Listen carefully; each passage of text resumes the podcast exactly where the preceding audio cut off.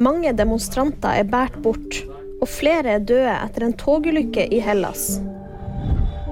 De siste dagene har aksjonistene sperra inngangene til Finansdepartementet og Olje- og energidepartementet. Onsdag morgen starta politiet å bære bort aksjonistene. Blant dem var Greta Thunberg, som forteller til VG at hun ikke har planer om å gi seg ennå.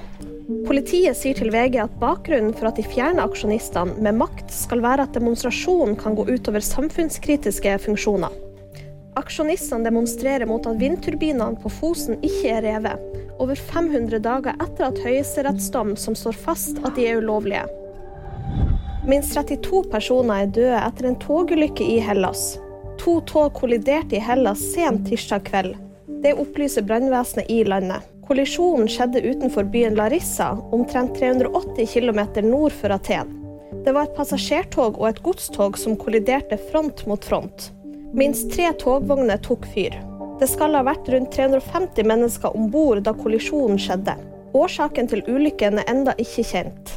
Ifølge brannvesenet jobber de med evakueringa.